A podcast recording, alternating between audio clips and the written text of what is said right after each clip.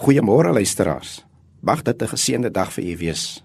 Ek wil weer vir u wys na een van Paulus se gebede en as jy is die een waar hy vir Timoteus aanmoedig om voorbinding te doen vir alle mense maar besonderlik 'n spesiale gebed vir mense met invloed.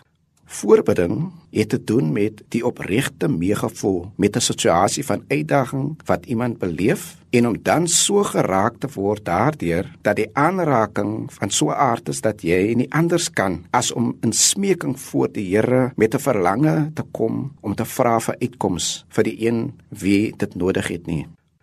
Smeking vir oplossing, smeking vir verandering en vir bevryding om namens hulle wat 'n saak van drukte beleef uit te roep na God vir hulp en bystand en krag vir die saak waarmee hulle toevertrou is.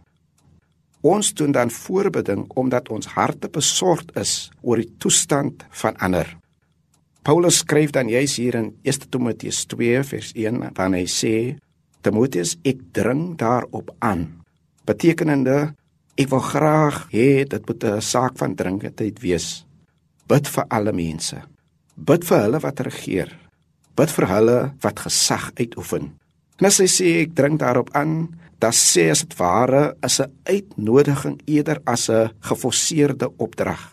Dit is my advies aan gelowiges dat ons hierdie verpligting het.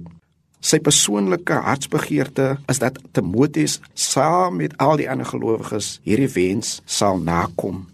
Julle sien mos dan die toestand van die wêreld rondom julle mense in gesagsposisies wat soveel foute maak. Ons land ly vandag daaronder huisgesinne is stikkend omdat hulle wat moet leiding neem dit nie nakom nie.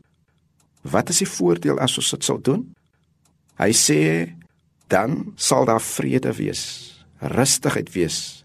Sonder onderbrekings sal ons ons lewe kan voer. Dit lei tot rus en vrede en sodoende word God geëer en gedien.